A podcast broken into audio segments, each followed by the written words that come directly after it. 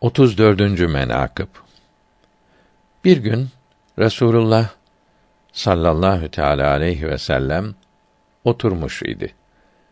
Cebrail aleyhisselam geldi. Cehennem kıssasını söyledi.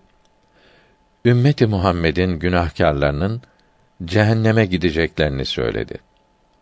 Resulullah sallallahu teala aleyhi ve sellem üzülüp mahzun oldular. Cihar yari güzin Rıdvanullahi Teala aleyhim ecmaîn hazretleri birbirine bakıştılar. Dediler: Ne dersiniz? Ebu Bekr radıyallahu an buyurdu. Ben onların günahlarının yarısını götürürüm. Ömer radıyallahu an buyurdu.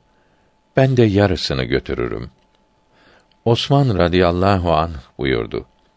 Ben Allahü Teala ve Tekaddes Hazretlerine dua ederim. Ta beni onlara feda etsin. Beni o kadar büyük, iri yapsın ki cehennemde onların bütün yerlerini doldurayım. Onlara girecek yer kalmasın. Ali radıyallahu anh buyurdu.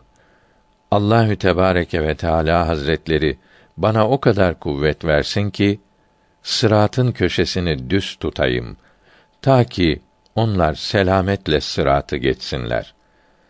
Allahü Teala ve Tekaddes Hazretleri Meryem suresi 85. ayeti kerimesinde mealen o gün müttekileri Rahman huzurunda elçiler olarak haşrederiz buyurmuştur.